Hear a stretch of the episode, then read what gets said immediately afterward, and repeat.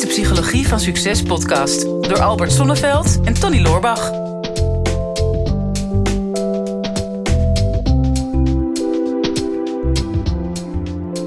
Altijd weer een bijzondere dag. eh, wanneer we een specialist of een expert in ons midden hebben in de podcast. Absoluut. De trouwe luisteraars die weten natuurlijk eh, ja, dat we meestal eh, samen flauwe grappen maken. Maar nu kunt het met z'n drieën doen. Ja, ik kijk er heel erg naar uit. nee, Lachen is gezond, hè? la- lachen is supergezond. En jij kan het weten, Henk. Want eh, Henk Fransen hebben we vandaag eh, bij ons in de podcast te gast. Super fijn, want eh, ja, we kennen elkaar al eeuwen, voor mijn gevoel. Ehm, altijd een heel bijzonder respect voor de weg die je altijd gelopen hebt. Je bent ooit begonnen als arts, eh, afgestudeerd. En daarna een heel traject gelopen. ehm, waarin je ja, zoveel dingen hebt onderzocht voor jezelf. En dat weer hebt willen delen met de wereld. En er zijn, we hebben het er even over gehad. we- Welk onderwerp gaan we bij de kop pakken? Maar voor deze podcast zouden we het heel fijn vinden om het te hebben over het, eh, over het zelfgenezend vermogen. Ehm, want volgens mij, je bent op heel veel gebieden expert wat mij betreft. Maar dat is iets wat ik eigenlijk al sinds het lezen van het boekje Bondgenoot... wat jij, volgens mij een van jouw eerste boeken die je hebt geschreven... Daarna zijn er nog een aantal andere gekomen, maar die is me altijd bijgebleven. En die, die geef ik trouwens ook heel graag cadeau aan mensen.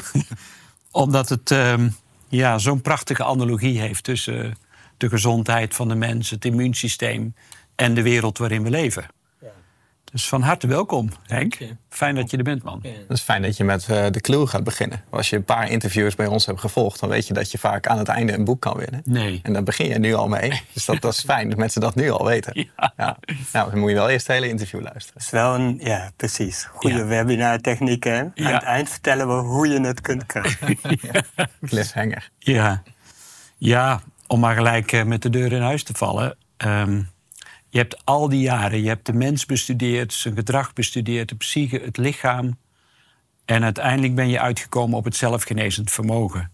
En hoe zou je dat op een eenvoudige manier kunnen uitleggen voor mensen, zonder dat ze het gevoel hebben dat het, ja, weet je, ja, dat het spiritueel en zweverig, want ja, we hebben het allemaal. Hmm. Maar hoe, hoe, hoe kun je dat uitleggen? Ja, het is trouwens niet dat ik uiteindelijk bij zelfgenezend vermogen ben uitgekomen. Eigenlijk was dat wat me direct tijdens mijn studie gewoon mateloos fascineerde. En ik was diep teleurgesteld dat daarna eigenlijk er nauwelijks meer iets over werd gezegd. Ja. Dus eigenlijk heeft dat altijd gespeeld, altijd mijn interesse geweest. Mijn site heet genezendvermogen.nl. Ik ben heel vaak van vorm veranderd, maar dit is altijd met mij meegereisd. Ja. Alleen je kunt wel zeggen, als dokter begint dat eigenlijk heel fysiek. En in de loop van mijn proces heeft dat zelfgenezend vermogen zich, zou je kunnen zeggen, opengeklapt. Als iets heel bruikbaars wat je kunt gebruiken in je hele leven. Mhm. Dus ook je emoties kennen een zelfgenezend vermogen. Ook je gedachten, je relaties. En zelfs die spiritualiteit waar je over spreekt, de ziel, heeft ook een zelfgenezend vermogen. Ja. Maar als ik het als arts uitleg, heel simpel, dan kun je aan de hand van dat voorbeeld meteen op al die andere vlakken ook zoveel begrijpen. Ja. En iedereen weet, als je een sneetje krijgt, gaat het gewoon vanzelf weer dicht. Ja. Dus iedereen kent dat zelfgenezend vermogen. Alleen zo'n sneetje is zo makkelijk om overheen te stappen. Ja, Zo van, ah is maar een sneetje, hè? Ja. Maar als die huid aan elkaar groeit, als je daar als arts over leert, is wonder op wonder op wonder op wonder, waar we niks van begrijpen. Mhm. Ja. Dus, en het gebeurt toch, en het zit in ieder van ons. Ja. En zeg maar dat zelfgenezend vermogen, dat is dus eigenlijk die innerlijke intelligentie. Die, won, die wonderbaarlijke wereld van binnen, hoe dat functioneert, wat we niet begrijpen, wat toch iedereen heeft en dus wat ook gewoon gebeurt. Maar als die snee wat groter wordt en het wordt een flinke jaap, dan heeft het lichaam vaak moeite om dat helemaal te overbruggen. En dan zou je kunnen zeggen, dan kan een arts een handje helpen. Maar wat een arts daar kan doen, is eigenlijk miniem en ontzettend simpel vergeleken bij wat dat lichaam daarnaast gewoon doet. En het is eigenlijk, maakt het wondje schoon, zodat we geen onnodige infecties krijgen. En dan trekt die huid iets naar elkaar toe, dat hij niet die hele kloof hoeft te overbruggen en dat hij het wat makkelijker heeft. Ja. Dus je kunt zeggen dat zelfgenezend vermogen is eigenlijk gewoon iets wat van binnen gebeurt. Niet alleen bij een sneetje van binnen, maar wat ik zei, dat is de intelligentie van het leven zelf. Die is ook in jouw leven werkzaam. En wij kunnen daar eigenlijk als mens of als dokter in je eigen leven een paar simpele dingen uh, aan toevoegen om dat te faciliteren. Ja. Ja. Ja. Ja, je bent ja. Je zit gefascineerd te luisteren. Ja, ik hoop en de luisteraars ook. En ik, ik geloof het meteen en ik weet het ook uit mijn eigen leven dat het zo werkt. En dat is dan ook het fascinerende als mensen hier naar luisteren zeggen: ja, klinkt heel simpel, maar waar gaat het dan vaak zo mis ook? Want uh, als het lichaam zo intelligent is, wat, wat, hoe komt het dan dat er nog zoveel mensen in een ziekenhuis terechtkomen en, en dat er zoveel leefstijlgerelateerde klachten zijn? En, Ja. hoe, hoe werkt dat dan? Nou, ik ben zelf een mooi voorbeeld van hoe mis het kan gaan. Ja, ja ik wil niet persoonlijk En zo, ja, precies. en ik denk altijd goed om het bij jezelf te houden. Maar als ik naar mijn eigen leven kijk, heb ik eigenlijk geleerd dat zelfgenezend vermogen kent drie fases. En de eerste fase van mijn leven, ehm, en die heeft echt beschamend lang geduurd, ik denk een jaar of vijftig zeker, was ik zo krampachtig mijn best aan het doen. Probeerde ik alles onder controle te houden en mijn leven te sturen, zeg maar. Hè? Mhm. En in die 50 jaar ben ik op een bepaalde manier succesvol geworden. Dus zou je kunnen zeggen, heb ik mijn leven beter gemaakt? Of ik heb het heler gemaakt? Maar heler is niet het goede. Ik heb het op een bepaalde manier, ben ik succesvol geweest. Ja. Maar ik was nooit ontspannen. Mhm. En ik was eigenlijk nooit gelukkig. Dat wil zeggen, ik kende bepaalde geluksmomenten, maar die waren meestal wanneer ik me uiterst had ingespannen en iets was gelukt. Dan kon ik me even iets toestaan, was het even allemaal goed. En daarna was het weer diezelfde worsteling in mijn leven. En ik had een heleboel problemen in die tijd. En ik deed tegelijkertijd ontzettend veel cursussen, ontzettend veel trainingen, om te proberen die dingen recht te krijgen. Maar zoals ik het nu zie, als ik terugkijk, was ik eigenlijk al die trainingen aan het gebruiken om iets te voorkomen, om gewoon op mijn bek te gaan, om eigenlijk mijn eigen wondje te voelen. hè. Want ik had gewoon kwetsingen opgelopen. En toen de tweede fase van mijn leven, toen zou je kunnen zeggen, heeft het leven mij gedwongen om los te laten, om me over te geven. Dat was een afschuwelijke tijd. Die duurde gelukkig een stuk korter, twee jaar of zo. Maar het voelde als een hel en het voelde eigenlijk als een eeuwigheid. Waarin ik alle controle verlies, verschrikkelijk op mijn bek ging. En je zou kunnen zeggen eigenlijk op de bodem van mijn put terecht kwam. En ik denk iedereen kent dat wel op zijn eigen manier. En ik kon er niks meer aan doen.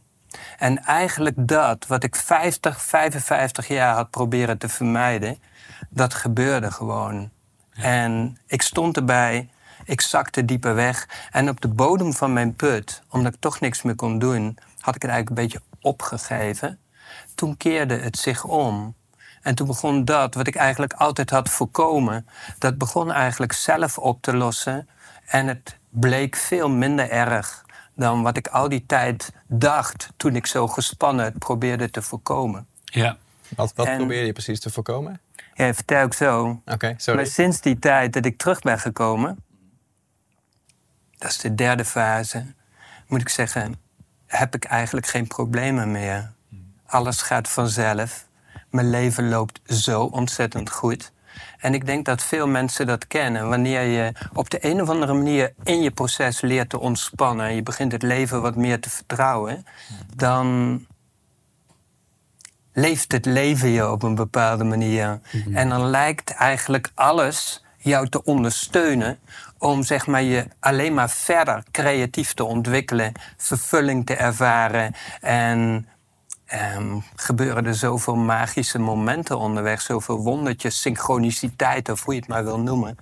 En dat is voor mij het ultieme zelfgenezende vermogen. Heel vaak denken mensen, wat kan ik dan doen om dat zelfgenezen... Nee, ik kan het beste uit de weg gaan. En dan blijkt dat leven zoiets moois. Net als die miljoenen wonderen die in jouw lijf gebeuren om zo'n wondje te herstellen. Is dat allemaal buiten jou aan het werk. Waar je eigenlijk geen woorden voor kunt vinden hoe dat werkt. Maar het gebeurt. Ja. En ehm, ja, ik ben er super dankbaar voor. En, Dus- en moeten we dan wachten op een crisis om uit de weg te stappen? Of, of kunnen we een crisis veroorzaken? Want mensen hebben wel zoiets van... ja, ik, ik wil dat zelfgenezend vermogen wel toelaten. Want ik denk dat ieder mens dat diep van binnen echt wel voelt en verlangt ook. Eh, waarschijnlijk ook snapt, het hele verhaal. En toch zitten we in een soort dagelijks leven waarin we voelen dat we. Ja, nu, als ik voor mezelf praat, ik heb zoveel momenten gehad dat ik wist dat ik met een snelheid van 200 km per uur richting een betonnen muur ging. En alles zei tegen mij: op de rem, verander van koers. Maar dat gebeurde niet. En ja, dan, ja, terwijl ik ergens wist, dit gaat pijn doen, laat ik dan maar eerder afslaan. Maar het lukte me gewoon niet. Ik denk het is een beetje de aard van de mens om pas in beweging te komen als het echt goed misgaat. Maar het is natuurlijk beter om van tevoren al wat te anticiperen. En zeg maar in die eerste fase kun je van alles doen. Ik heb in die fase ook van alles ontdekt wat je kunt doen. Maar de valkuil in die eerste fase is dat je het telkens toch weer gebruikt Ja. op die krampachtige manier om controle te houden, terwijl dat nou juist niet de bedoeling is. En je kunt zeggen, in die eerste fase denk ik dat wat het meeste helpt, is dat je ehm, je een beetje overeenstemt met het leven, met de natuur, met de schepping, op een hele simpele manier. En dan bedoel ik dat je gewoon gezond eet, dat je zorgt dat je voldoende drinkt, dat je goed doorademt, dat je wat aan lichaamsbeweging doet, dat je zorgt dat je voldoende slaap krijgt, zodat je wat lekkerder in je vel zit. Dat helpt in die fase gewoon. Dan krijg je wat meer zelfvertrouwen, je krijgt het gevoel dat je wat grip hebt. En dan op het emotionele, mentale en relationele vlak denk ik dat het belangrijk is om wat steun te zoeken. Dus dat je echt wat investeert om wat gelijkgestemde mensen om je heen te krijgen. Want je hebt in die fase dat je zo gekwetst bent, ergens in de diepte het gevoel dat je er alleen voor staat. Ja. En dat je ervoor moet opboksen.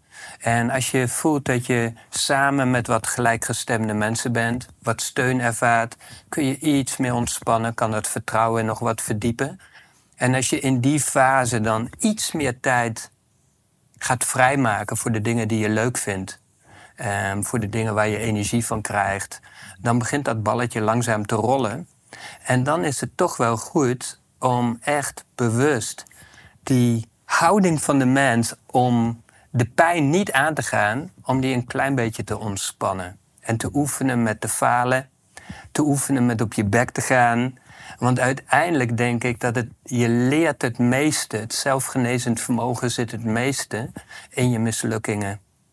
Als je terugkijkt, is waar je leven wezenlijk geheeld is, eh, ruimer is geworden, heler is geworden, is door je mislukkingen en wat je ervan geleerd hebt. Dus ik denk die basis van een paar natuurlijke ondersteuningen, heel simpel, ondersteund met wat mensen om je heen en dan wat experimenteren met falen, mislukken, fouten maken, ehm, dingen mis laten gaan waar je bang voor bent dat dat mis kan gaan. En dan ehm, hoef je denk ik niet in zo'n crisis terecht te komen. Want ik was zo koppig en stubborn. En ik gebruikte al mijn trainingen zo goed, juist om controle te houden, dat ik gewoon, ik moest tegen die muur. Ja, ja. Ja. ja. Zoals veel andere mensen in de vorm van een burn-out of een Ja. andere ernstige ziekte. Maar dan, dan zou je kunnen zeggen, dan kraakt het leven die harde noot. Hmm. Best knap hoe het leven het voor elkaar kreeg om mij daar te krijgen. Hè? Want ik deed alles wat ik kon om het te voorkomen. Hè? Om er niet te komen.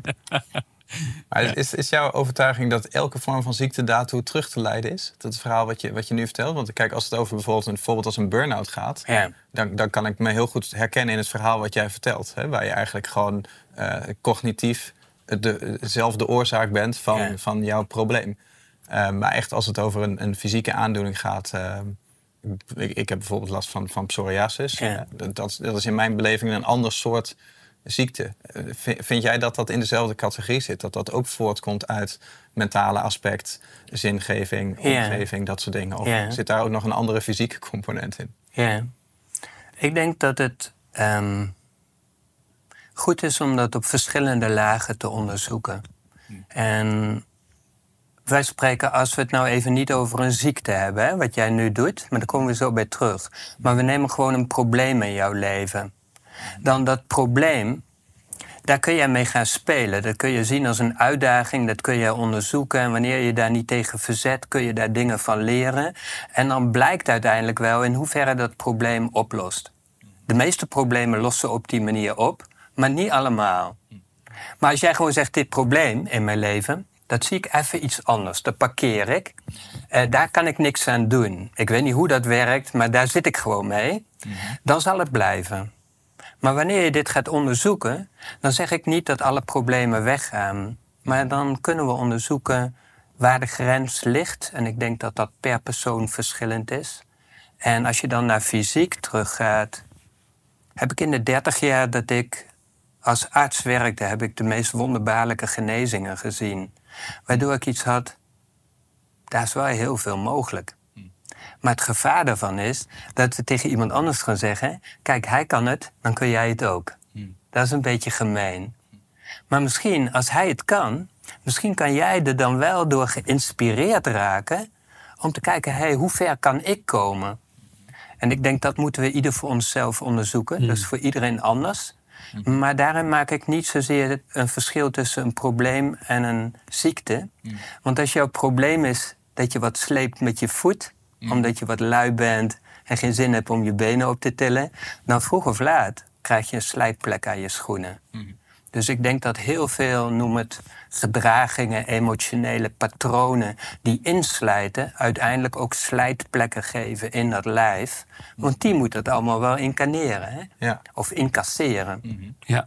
En daar hebben we natuurlijk een heleboel spreekwoorden over, hè? Van eh, hardnekkig zijn, ehm, niet door de knieën willen gaan.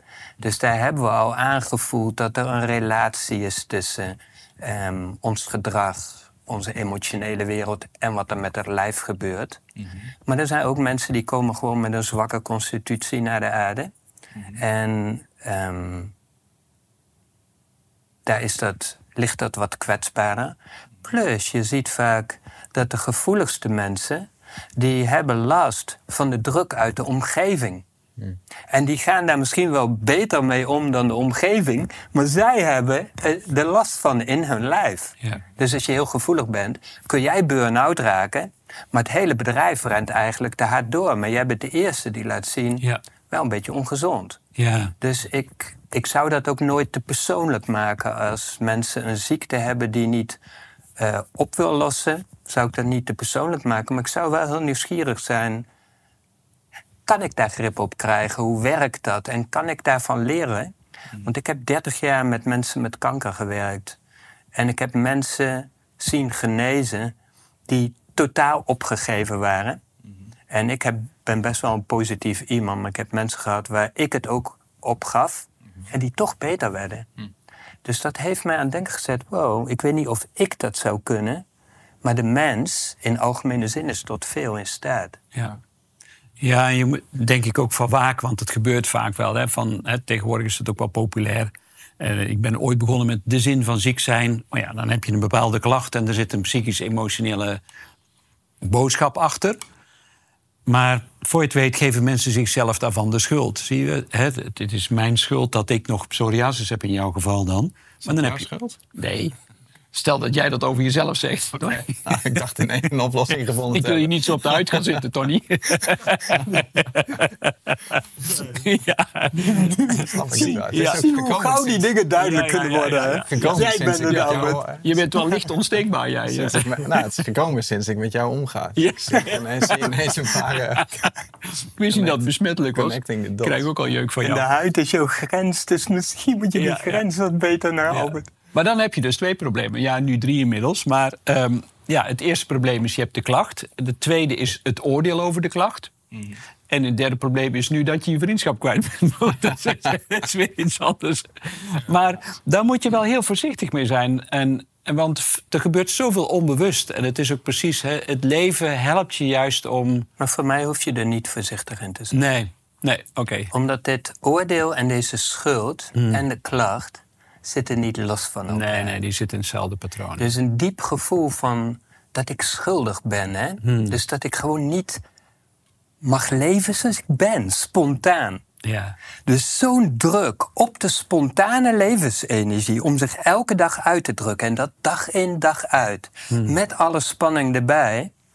Dat kan heel makkelijk klachten gaan geven. Ja. Dus een schuldgevoel is niet zelden onderdeel van die klacht. Dus je hebt niet dit en dit en dan ook nog dat. Ja. Het is één verhaal. ja, En waarom hoef je er niet voorzichtig in te zijn? Omdat je juist wil kijken wat zit erachter en kan ik dat aan de oppervlakte krijgen als dat er is?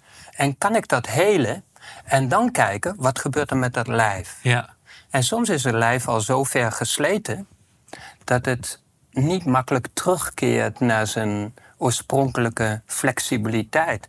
Maar soms doet hij dat heel makkelijk wel. ja. Dus dat kun je onderzoeken. En dat mag speels. Ja. En als daar schuldgevoel bij komt, mag je dat onderzoeken als deel van het verhaal. Ja. Maken mensen hun problemen te serieus dan vaak? Het idee? Of als je zegt speels, hoe, hoe doe ik dat? Ja, mensen, ik heb het in ieder geval heel veel gedaan. En het helpt niet heel erg. Nee. Ik kan zeggen, vroeger was ik zo serieus, deed zo mijn best, alles was zo belangrijk, dat ik liep met zo'n frons door het leven, Ja. dat ongeveer ik stoot iedereen om mij heen die een beetje ontspannen was, die dacht, wegwezen. Ja. Dus weet je, kun je alleen al voorstellen hoe zo'n houding van zo serieus zijn, wat een impact dat heeft op je leven, hè? Ja. Maar als je kijkt in het lichaam, zou je kunnen zeggen: een heel simpel onderscheid is spanning en ontspanning. Elke vorm van spanning is eigenlijk een vorm van onzekerheid en angst. En dat noemen we als arts de angststofwisseling. Nou, een mooi woord, katabole stofwisseling. Ja. Elke vorm van ontspanning, van vreugde, van blijdschap, van een gevoel van verbinding, noemen we de ontspanningsstofwisseling of de liefdestofwisseling. Eh, of als dokter noem je dat de anabole ja. stofwisseling. Nou, anabool is opbouwend. Dan staat, als jij dus zeg maar ontspannen bent en je bent happy, dan zijn triljoenen cellen van binnen ontspannen en happy. En die staan in de happy stofwisseling. En dat is een stofwisseling. Eigenlijk staan die cellen net als jij open, in verbinding. Het leven stroomt door die cellen heen. Ze regenereren optimaal. Ze laden hun energiereserves bij. En het zelfgenezend vermogen draait op volle toeren. Maar zodra je gespannen raakt en je wordt serieus en zorgelijk tot en met angstig toe, dan krijg je die andere stofwisseling en dan staan eigenlijk alle cellen in de overlevingsstand. En die zijn eigenlijk hun energiereserves aan het verbruiken. Ze zijn aan het overleven. Ze parkeren, en dat is eigenlijk heel erg. Alle afvalstoffen die telkens in de cel ontstaan, die worden normaal uitgescheiden in deze ontspannen toestand. Maar als je zo gespannen bent, zit de cel dicht en die uitscheiding wordt geremd. Dus de cel begint zichzelf te vergiftigen. En regeneratie staat eigenlijk op nul. Het zelfgenezend vermogen staat op een heel laag pitje. Dus dan zie je al de impact van of we gespannen zijn en ontspannen zijn op alle cellen in ons lijf. En als dat dag in, dag uit. En ik heb tientallen jaren in de overlevingsstand gestaan. Wat een uitputtingsslag. Wat heb ik mezelf aangedaan Ja. eigenlijk, hè? Nou, ik wist niet beter. Dus in die zin, eh, het is wat het is. Maar Het zou mooi zijn als we elkaar een handje kunnen helpen om wat makkelijker te ontspannen. Ons wat meer ons op een gemak te voelen, wat meer gesteund te weten. En iets meer gestimuleerd te voelen om de dingen te doen waar we energie van krijgen. Ja. En dat is een ander punt. Dit is die stofwisseling, maar als je gewoon simpel in het leven kijkt, kun je dingen doen die je interesseren en je kunt dingen doen die je niet interesseren. Als je dingen doet die je niet interesseren, dan is dat. Daar krijg je geen energie van. Saai. Als je het heel erg doet, wordt het dodelijk saai. Wat voor mij al een richting is, dat gaat de verkeerde kant op. Ja. Doe je dingen die je interesseren, dan krijg je energie. Dus als je doet wat je niet interesseert, is bijna als je die energie kwijtraakt, alsof het leven jou aan je jasje trekt. Niet doen, terug. Als je doet wat je interesseert, krijg je energie. Het is alsof het leven jou ondersteunt om die kant op te gaan. Voordat je het weet, word je enthousiast. En kom je in je eerste vlaag van inspiratie terecht. En ik gebruik die woorden vaak heel bewust, omdat de wortelbetekenis van interesse, enthousiasme en inspiratie is hetzelfde. Het betekent van God. Interesse betekent van God. En theos. En theos, enthousiasme. God ingesloten. Inspiratie, de grote geest inademen. Nee? Dus dit is het spoor naar je ziel toe, naar de grote geest, naar het leven zelf. En zo simpel is het, op, is het zelfgenezend vermogen, denk ik, op het levenniveau. Dat je mensen iets meer de ruimte geeft om te doen waar ze energie van krijgen. En als ze die smaak te pakken krijgen, dan springen ze 's ochtends uit bed eh, om aan het werk te gaan. Wat niet als werk voelt. Als ze 65 worden, kun je ze niet van dat los, werk loskrijgen, want ze vinden het zo leuk. En ehm, s s'avonds gaan ze voldaan naar bed. En als ze burn-out raken, komt het omdat het te leuk was. ja. ja. Ja. Het is nog, ik vind dat, ik, ik, ik hoor helemaal wat je zegt. Ik- En, en het prikkelt me ook wel heel erg. Ehm, Jij moet het kennen, want je hebt het gedaan volgens mij. absoluut, absoluut. Ik herken me heel erg in. En ik vind, vind het mooi om zo naar die spanning en die ontspanning te Maar kijken. ik zie ook dat jij het in je bedrijf doorgeeft en faciliteert in je teams. Ja. Ehm, dus...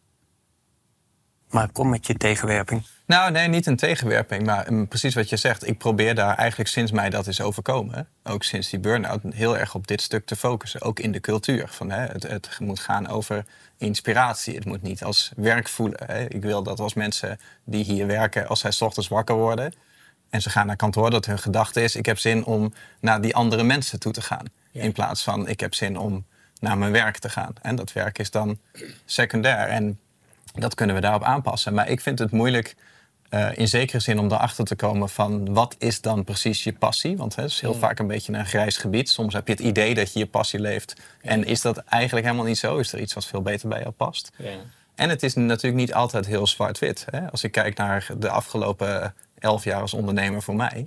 Ja, het- 80% van wat ik doe vind ik fantastisch. Maar er zit ook een percentage bij wat, wat mij stress, spanning geeft. Maar het een bestaat in mijn beleving vaak niet zonder het ander. Precies. Dat is moeilijk om, om dat er dan uit te laten of om Ja. dat los te laten. Maar dat, dat, dat is het leven. mhm. En ik denk, dat krijg je niet op 100%.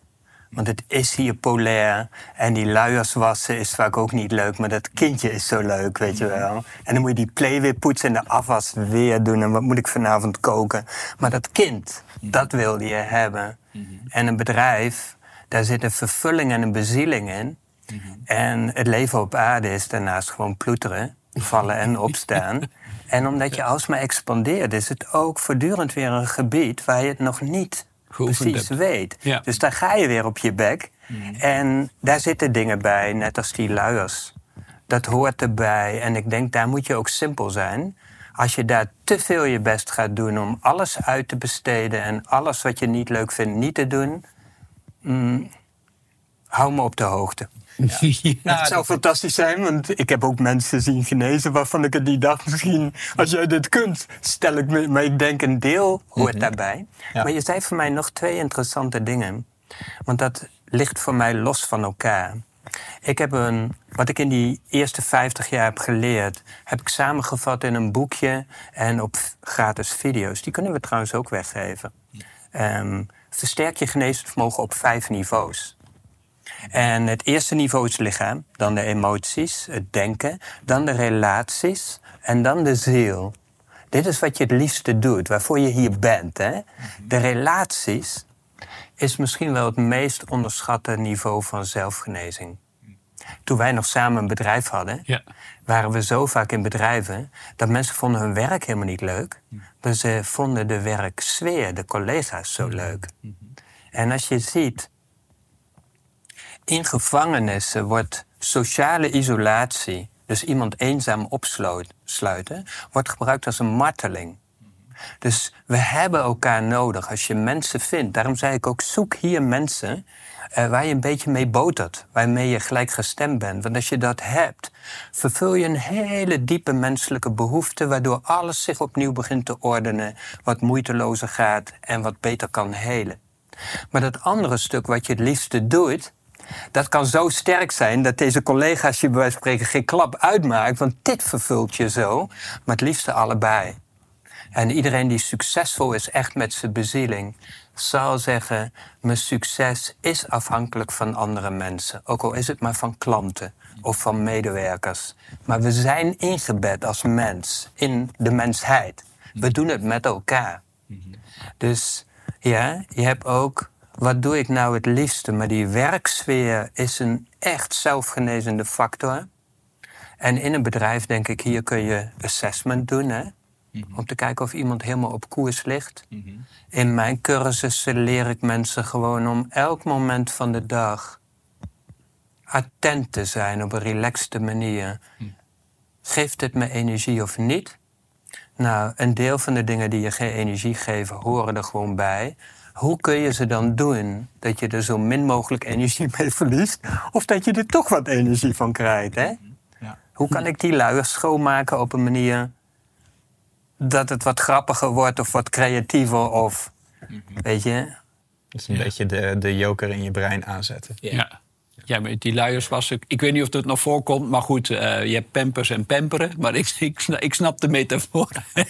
Het is gewoon een flauwe grap. Maar ik snap wel wat je bedoelt. Je ontkomt gewoon niet aan de dingen die je nou eenmaal hier op aarde daarmee te maken hebt. En ehm, het, het mooie, denk ik, vind ik in, in de duizenden mensen die je inmiddels hebt bereikt. En, en de, alle reacties die je altijd hebt op de social media iets is er in jou wat je overbrengt, wat denk ik een prachtig voorbeeld is ehm, voor heel veel mensen. En mijn vraag is, wat zou je het liefste daarvan willen overbrengen? Wat, wat is van jou, wat typisch Henk is, waarvan je denkt, oh, als mensen daar iets van zouden kunnen proeven, dan zou mijn wereld er al een stukje mooier uitzien. Hmm. Kijk, wat voor mij ehm, niks eigenlijk. Want weet je nog, die, die lange periode dat ik zo vastzit, Ja, die werd ook gekenmerkt dat ik alsmaar bezig was met die ander. ja, ja. Dat ik alsmaar bezig was met die ander. Wat ik kon geven, hoe ik waarde kon. Ik had idealen, ik had grote projecten. Het was altijd voor de wereld, voor de ander. En toen ben ik op die bodem van de put geweest. En toen ik daaruit ben gekomen. Tegenwoordig doe ik dingen alleen maar voor mezelf. Dus ik, ik ben vooral bezig met waar krijg ik energie van? Oké, en dat straal ik dan uit. ja. En dat kan goed uitwerken of niet. Ja. Want dat weet je op social media. Als je jezelf uitstraalt, krijg je ook een hoop shit over je heen. Niet? En ik heb nog Ja. altijd mensen die vinden mij heel stom en vinden het niet kloppen wat ik zeg. Maar anderen die ermee resoneren, die, die hebben er heel veel aan. Maar ik ben gewoon mezelf. En als je echt jezelf bent, dan ben je vaak verbaasd over de impact die je op anderen hebt, omdat je het zelf niet snapt. Want je bent gewoon jezelf. Niet? Mensen zeggen soms tegen mij: Ik vind jou inspirerend. Ah, dat hoorde ik vaak naar lezingen en dacht ik: Oké, ik heb in ieder geval niet geprobeerd inspirerend te zijn. Ik vertel gewoon wat ik vind. Ja. Niet? Dus wij hebben volgens mij talenten of kwaliteiten die heel gelukkig zijn om ze te zijn, maar je hebt het zelf eigenlijk niet door. Ja, Maar jij voelt wel, het voelt hier zo gelukkig. En anderen pikken er iets van op of niet. Dat is weer aan die ander. ja. Want dat ligt aan resonantie, weet je. Het, ik heb geen gelijk, ik heb niet de waarheid. Ehm, Dat zijn we met z'n allen bij elkaar. Maar het blijkt altijd wel, er zijn mensen die resoneren met je en anderen niet. En de mensen die resoneren, dat is ook een zelfgenezende factor. Waar je resoneert, leg ik altijd uit aan, een- aan een heel eenvoudig voorbeeld. Als je eten eet, waar je niet mee resoneert, dus waar je is, hè, afschuwelijk, ugh, moet ik niet hebben, dan kan het jou niet, kun je het niet verteren en het kan jou niet opbouwen. Nee. Maar als je eten hebt waar je mee resoneert, waar het water je in de mond loopt, dan kun je het binnen laten komen, dan kun je het makkelijk verteren en dan kan het jou opbouwen. Daarom zeg ik altijd, zoek gelijkgestemden en één fase verder ook hele inspirerende mensen in je omgeving. Want die kunnen jou ontzettend snel opbouwen, want je resoneert ermee. Ja. En wat zij vertegenwoordigen, kun jij makkelijk toelaten, kan tegen jou wakker worden en heb jij het ook. Ja.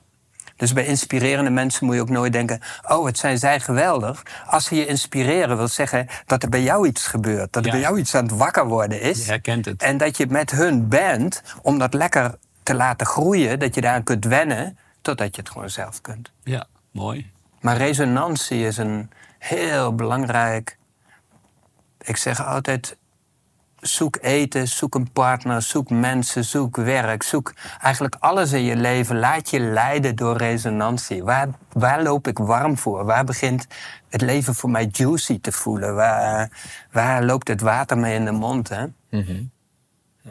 Ja, dit, dit resoneert in ieder geval. heel erg. ik voel echt een limbische resonantie opkomen. Nou zijn we heel nieuwsgierig. Vertel verder. Nee, nee ik, ik, ik, ik, vind het, ik vind het echt een fascinerend verhaal wat je vertelt. En, en er zit natuurlijk een hoop herkenning in, maar ook wel veel van eh, ehm, een bepaalde eenvoud. Die, eh, die, die, die best wel hoopgevend is.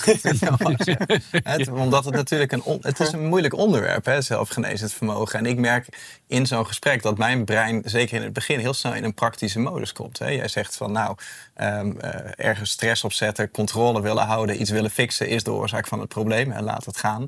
En, en daarna gaat het over, nou, hè, je, hebt een, je hebt een probleem, ga eens op onderzoek uit. Nou, die twee botsen dan in mijn hoofd. Bijvoorbeeld denk je, ja, ik kan het niet loslaten en het aanpakken tegelijkertijd. Ja. En, en ik merk gedurende zo'n gesprek, als jij je hele verhaal vertelt, hoe, ehm, hoe, dat, hoe dat klikt. Hè? En hoe het resoneert. En dat, dat, vind ik, eh, dat vind ik heel bijzonder. Ja. Ja. Ik ben blij dat het op film staat.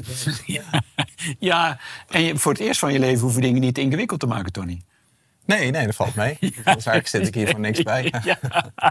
En ik zeg heel vaak, heb ik nu niet gedaan, maar in het begin van mijn werk zeg ik bijna altijd tegen mensen, ik ben super blij dat je naar me luistert. Dat ik gewoon kan delen wat ik vind, maar doe alleen iets met wat voor jou klopt. En daar zit die resonantie. Eh, doe alleen iets wat voor jou klopt. Laat de rest gewoon schieten. Ga, laten we er ook niet over gaan discussiëren. Je hebt gewoon verschillende perspectieven. Maar waar het perspectief resoneert, bouw daarop voort. Ja, dat is mooi. Dat, En, dus dat is eigenlijk wat jij hier ook uitdrukt. ja. en om, om daarop voor te bouwen, is eh, om een relatie op te bouwen. En eh, ik denk dat het een heel mooi moment is om, om dat nu ook aan te kondigen. Hè? Want mensen die nu luisteren, en ik kan me bijna niet voorstellen dat ze niet geïnteresseerd zijn in wie is Henk Fransen. Ze kunnen dat sowieso opzoeken op eh, welke website, Henk, zou je, zou je ze- Gene- Genezendvermogen.nl, maar als je Henk Fransen intypt, dan zie je ook drie pagina's Google. En ja, en dan kunnen ze, weet je, ze, ze kunnen jouw cursussen volgen. Nou ja, ik ben er super enthousiast over. Hè. Het is een prachtig eh, materiaal heb je daar staan. Ongelooflijk veel. Je zei net ook al dat je zelfs dingen cadeau wil geven. Hè. Bepaalde, bepaalde cursus, eh, bepaalde filmpjes had je het over. Maar ook tien boeken volgens mij. Hè. Dat kregen, ja. kunnen we gaan verloten. Dat vind ik altijd leuk. Ja. Ik heb een eenvoudig boekje geschreven. En dat is mijn meest persoonlijke boekje eigenlijk. En het heet Bondgenoot. Maar de ondertitel is interessant. Het heet De autobiografie van een immuuncel. En dat is letterlijk waar het boekje over gaat. Het is eigenlijk een immuuncel die zijn levensverhaal vertelt. En het hele boekje speelt, of ja, het boekje speelt zich in het menselijk lichaam af. En zoals jij in het begin zei, halverwege het boek weet je niet meer, gaat het nou over cellen of gaat het over mensen? En ja, het is een. Als je ermee resoneert, maar moet je ontdekken, dan is het een superleuk boekje. En ik geef het graag weg. En die, dat zelfgenezend vermogen op vijf niveaus. Ehm, misschien kunnen we een link erbij zetten. Die zijn gewoon op YouTube te vinden. Ja. En dan ehm, kunnen mensen daar naar kijken. Want daar wordt het ook heel erg praktisch. Mensen hebben ook vaak behoefte aan praktische handvatten. Ja. Ja. Ja, want je hebt heel veel wijze dingen verteld, volgens mij. En voor mij in ieder geval ook. En tegelijkertijd zit ik ook altijd met de vraag hoe. Hè? Want ik kijk ook vanuit de luisteraars en de kijkers van... oh, maar hoe kan ik dat dan doen? Maar dat is heel fijn dat je ze daar ook nog tools bij geeft... waar ze naartoe kunnen en ehm, ze nog meer kunnen verdiepen met jou. Maar dat is nog niet alles. Hè? Deze podcast, we hebben het boek en we hebben ook nog... ehm, ja, volgens mij hebben we ook nog een live bijeenkomst met jou... Eh, en die is op, Tony, jij weet dat, hè? Eh, donderdag 17 februari Oh. ga jij een eh, live sessie geven in Brein TV. Voor Ja. alle Brein TV-leden. Wat inmiddels zo'n beetje half Nederland moet zijn na het luisteren van deze podcast. Maar nee, dus dat is volgens mij, als deze podcast live gaat, dan is dat officieel overmorgen volgens mij. Dat duurt nog even, want wij nemen natuurlijk wat eerder op. Maar een, een sessie natuurlijk met onze leden over het zelfgenezend vermogen. Ehm, ja, dus die kan je met een groot kruis natuurlijk in de agenda zetten als je zit te luisteren of te kijken. Ehm, daarnaast eh, de boeken, dat moeten we nog even uitleggen. Hoe Ja. we dat gaan doen. Ga je dat uitleggen? Nou, dat zou voor het eerst zijn. Maar Nou, goed, dacht, eh, ja, volgens af. mij... Ja, ik heb eh, nou, we hebben, los te laten net. we hebben eindeloos moeten onderhandelen. Nee, hoor. Henk die gaf met heel veel plezier tien boeken weg. En hoe kun je nou ehm, in bezit komen van een gratis boek Bondgenoot? Dat doe je door naar YouTube te gaan. en in ieder geval naar deze podcast. En dan ehm, ja, kun je je commentaar achterlaten van wat je ervan vindt, wat jouw ideeën zijn. Maar misschien heb je ook nog wel eh, ja, je belangrijkste inzicht wat je wilt delen naar aanleiding van deze podcast. En ehm, dan hebben wij een zeer strenge jury in de vorm van Emma. en we laten de notaris even achterwege. Maar de tien leukste eh commentaren die onder de website eh, of onder de YouTube-film staan, die, eh, ja, die krijgen van ons het boek. Of liever gezegd van Henk, maar wij Ja, mogen het en- plaatsvervangend geven. En leukste, ik zou zeggen, de tien reacties die Emma het meeste raken. Ja, ja, waar Emma het meest mee resoneert. dat is echt ideaal. En als je inderdaad mee wil doen zeg maar, met die eh, bijeenkomst, denk ik, doe dat alleen als deze podcast je intrigeert. Ja. En ik zou veel ruimte maken om met mensen uit te wisselen, kijken wat er leeft. Dus ik kom niet met een kant-en-klaar programma of eh, je moet dit of je moet dat. Maar ik vind het leuk om als er mensen zijn, gewoon eens vooral ook te kijken wat leeft er, wat wisselt er uit, wat kan ik toevoegen. Ja, ja en ehm, ja, deze podcast is altijd te kort hè, met een expert, want er is nog zoveel te leren en te ontdekken. Ik ken jou bijna 40 jaar, Henk, dus eh, ik ben nog niet uitgeleerd. dus kun je nagaan voor de mensen die voor het eerst kennis met jou maken. Maar eh, de QA. eh, op donderdag, die kan misschien ook weer een hoop goed maken voor de mensen. Zeggen hè, dat ze jou een vraag kunnen stellen, nog eventueel. En dat zou super zijn. Want er zijn natuurlijk ook nog heel veel vragen die open blijven na het luisteren. Maar die mogelijkheid is er ook. Dus ehm, ja, Ja, de rest niks anders dan eh dankjewel Henk dat je hier vandaag wilde zijn. ja. Henk Fransen. En eh, ontzettend bedankt. En heel veel succes met alle goede dingen die je doet in je leven. Fijn, dank je. Dit is de Psychologie van Succes podcast door Albert Sonneveld en Tony Loorbach.